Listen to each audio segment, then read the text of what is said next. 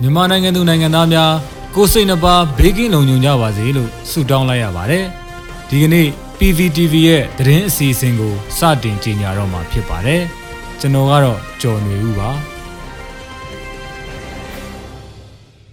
အခုပထမဆုံးအနေနဲ့ကုလသမဂ္ဂဆိုင်ရာမြန်မာတန်အမတ်ကြီးဦးကျော်မိုးထွန်းချင်းချောက်ခံရတဲ့ဖြစ်စဉ်နဲ့ပတ်သက်ပြီးကုလသမဂ္ဂဆိုင်ရာအမေရိကန်တန်အဖွဲ့ကသတင်းထုတ်ပြန်ချက်တရက်ထုတ်ပြန်လိုက်တဲ့သတင်းကိုတင်ဆက်ပေးသွားမှာဖြစ်ပါတယ်။ ကုလသမဂ္ဂဆိုင်ရာမြန်မာတန်အမတ်ကြီးဦးကျော်မိုးထွန်းချင်းချောက်ခံရတဲ့ဖြစ်စဉ်နဲ့ပတ်သက်ပြီးကုလသမဂ္ဂဆိုင်ရာအမေရိကန်တန်အဖွဲ့ကသတင်းထုတ်ပြန်ချက်တရက်ကိုထုတ်ပြန်လိုက်တာတွေ့ရပါတယ်။ဒီမိုကရေစီပြန်လည်ရှင်သန်ရေးတောင်းဆိုနေကြတဲ့မြန်မာပြည်သူလူထုအတွက်ကိုစားပြုပြောဆိုပြီးအာကရဲရင်မှုနဲ့တက်တီကိုဆက်လက်ပြသနေတဲ့တန်အမတ်ကြီးဦးကျော်မိုးထွန်းနဲ့အတူအမေရိကန်ပြည်ထောင်စုကခိုင်ခိုင်မာမာယက်တည်နေတယ်လို့ထုတ်ပြန်ချက်မှာဖော်ပြထားပါတယ်။ တန်အမတ်ကြီးဦးကျော်မိုးထွန်းအပေါ်ချင်းချောက်မှုကိုလည်းတညီတညွတ်ထဲကန့်ကွက်ရှုတ်ချကြောင်းနဲ့ယခုကဲ့သို့ချင်းချောက်မှုကိုကြည့်မယ်ဆိုရင်စစ်အာဏာရှင်တွေနဲ့အပေါင်းအပါတွေဟာ၎င်းတို့ကိုစန့်ကျင်တဲ့သတင်းတောက်တွေတက်ကြွလှုပ်ရှားသူတွေနဲ့အခြားသူတွေကိုအမေရိကန်ပြည်ထောင်စုအပါအဝင်ကမ္ဘာတဝန်းမှာလိုက်လံနှောက်ယှက်ရန်ပြုနေတဲ့စိုးရိမ်ထိတ်လန့်ပွဲလုပ်ရမျိုးဖြစ်တယ်လို့ထုတ်ပြန်ချက်မှာထည့်သွင်းဖော်ပြထားတာတွေ့ရပါတယ်။အကြံဖတ်အာဏာသိမ်းစစ်တပ်ကိုလက်နက်မှောင်ခိုရောင်းချနေတဲ့ထိုင်းနိုင်ငံကလက်နက်မှောင်ခိုပွဲစားတအုပ်နဲ့ပူးပေါင်းပြီး အမေရိကန်ရောက်ရှိနေတဲ့မြန်မာနိုင်ငံသား2ဦးကကုလသမဂ္ဂဆိုင်ရာမြန်မာအသံအမတ်ကြီးဦးကျော်မိုးထွန်းကိုထိခိုက်အနာတရားဖြစ်အောင်အသက်အန္တရာယ်ထိခိုက်အောင်လှုံ့ဆော်ဖို့ပြီးခဲ့တဲ့ရက်ပိုင်းကစီစဉ်ခဲ့ကြတာဖြစ်ပါတယ်။ဒီအမှုကို FBI ကစုံစမ်းစစ်ဆေးနေပြီးကျူးလွန်ဖို့ကြံစီခဲ့သူ2ဦးကိုနယူးယောက်ပြည်နယ်တရားရုံးတစ်ခုမှာအမှုဖွင့်ထားတယ်လို့အမေရိကန်အစိုးရတာဝန်ရှိသူတွေကထုတ်ဖော်ပြောဆိုခဲ့ပါတယ်။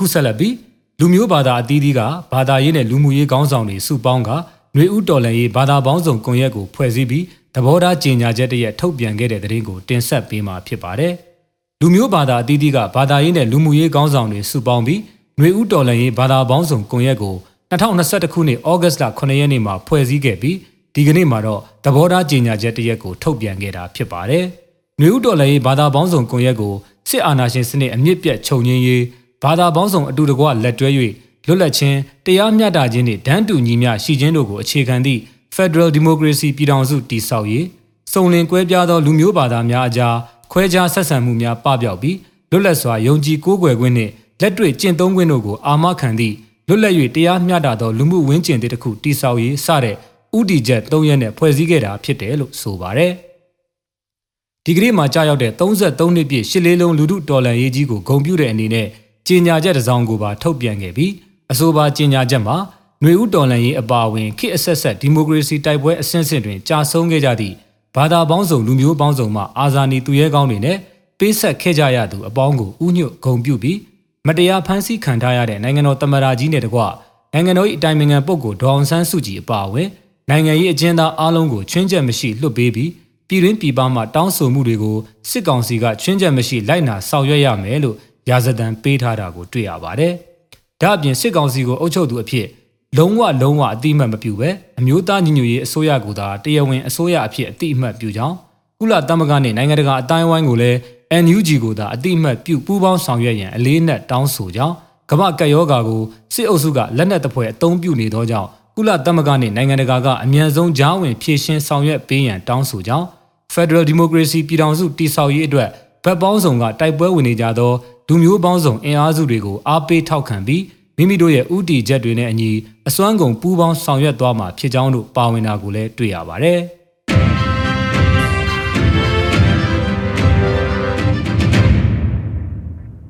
ဆက်လက်ပြီးအကြမ်းဖက်စစ်ကောင်စီကမတရားဖမ်းဆီးထားတဲ့မန္တလေးကခွဲစိတ်ထူးကူဆရာဝန်ကြီးဒေါက်တာမောင်မောင်ငိမ့်ထွန်းမန္တလေးအိုးဘိုထောင်မှာကိုဗစ်ရောဂါနဲ့ကွယ်လွန်ခဲ့တဲ့တဲ့ရင်ကိုတင်ဆက်ပေးမှာဖြစ်ပါတယ်။အကြမ်းဖက်စစ်ကောင်စီကမတရားဖမ်းဆီးထားတဲ့ မန္တလေးကခွဲစိတ်ထုခုဆရာဝန်ကြီးဒေါက်တာမောင်မောင်ငိမ့်ထွန်းဟာ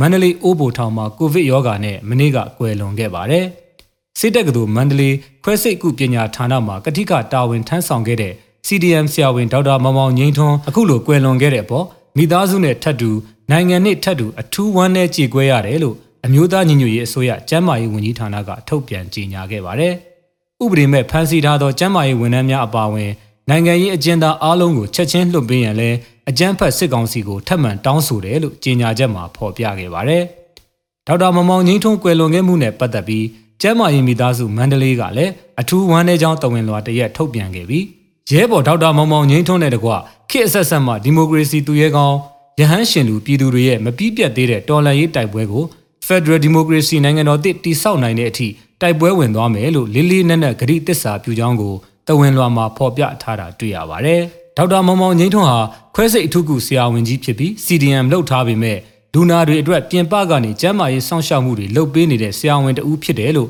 ဆရာဝန်အတိုင်းဝိုင်းကဆိုကြပါတယ်။ဆရာကိုအိုးဖို့အကျဉ်းထောင်မှာထားတဲ့အချိန်ကိုဗစ်ရောဂါကူးစက်ခံရတယ်။ကူးစက်ခံရချိန်အိုးဖို့အကျဉ်းထောင်ထဲမှာထိရောက်တဲ့ကုသမှုတွေမရခဲ့ဘူး။အဲ့ဒီမှာတော်တော်လေးဆိုးဝါးပြီးမတက်တာတဲ့အချိန်ကြမှာ SPO2 80လောက်ကြမှာမန္တလေးစေယုံကြီးကိုပို့ပေးတယ်။ တကယ်တမ်းဆိုရင် SPO2 64အောက်ရောက်တာနဲ့စေယုံတင်ရမှာ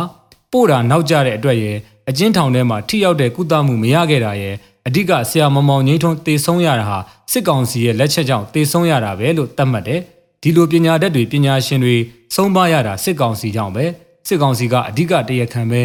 နောက်လေဒီလိုမျိုးပညာရှင်တွေတေဆုံးမှုတွေမဖြစ်အောင်တော်လှန်ရေးကတော့ဆက်ပြီးတိုက်နေရမယ်လို့လုံခြုံရေးအရာအမည်မဖော်လို့တဲ့ CDM ဆရာဝန်တဦးကပြောဆိုခဲ့ကြောင်း RFA သတင်းမှာဖော်ပြထားတာတွေ့ရပါတယ်။ဒေါက်တာမမောင်ငိမ့်ထွန်းဟာဇွန်လ23ရက်နေ့မှာစစ်ကောင်စီကဖမ်းဆီးခဲ့ပြီးနန်းတွင်းစစ်ကြောရေးမှာစစ်ဆေးခံခဲ့ရက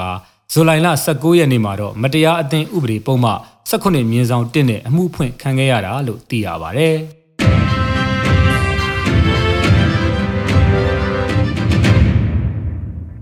အခုနောက်ဆုံးအနေနဲ့အာဆီယံရဲ့မြန်မာနိုင်ငံဆိုင်ရာအထူးကိုယ်စားလှယ်အဖြစ်ခန့်အပ်ခံခဲ့ရတဲ့ဘရူနိုင်းနိုင်ငံသားရေးဝန်ကြီးနှစ် Ariwan Yusof က